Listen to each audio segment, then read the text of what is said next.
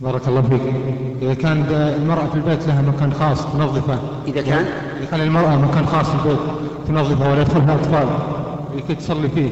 فهل يكون في حكم المسجد؟ كالدخول يعني تصلي ركعتين أو الاعتكاف؟ لا. المصلى سواء في البيت أو في الدائرة الحكومية أو في دائرة الشركة أو غير ذلك. ليس له حكم المسجد. بل هو مصلى. كما يعد الإنسان مثلا سجادة يصلي عليها فليس له حكم المسجد.